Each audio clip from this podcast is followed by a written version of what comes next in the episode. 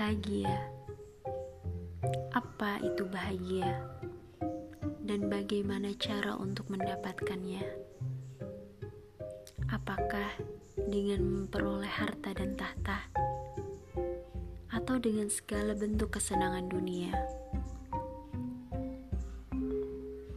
Mengapa kita menunggu kaya dulu untuk bahagia?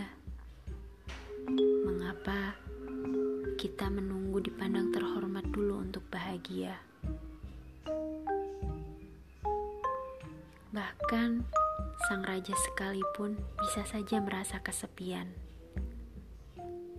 Seseorang berkata, "Berusahalah membuat sedikit apa yang membuatmu senang, maka akan sedikit pula apa yang membuatmu susah."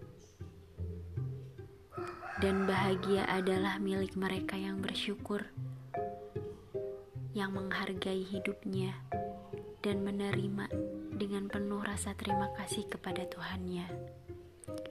Semoga kita dikaruniai jiwa yang tenang, hati yang selalu bersyukur, agar kita selalu merasa bahagia, dan kebahagiaan itu sendirilah yang akan mengikuti kita.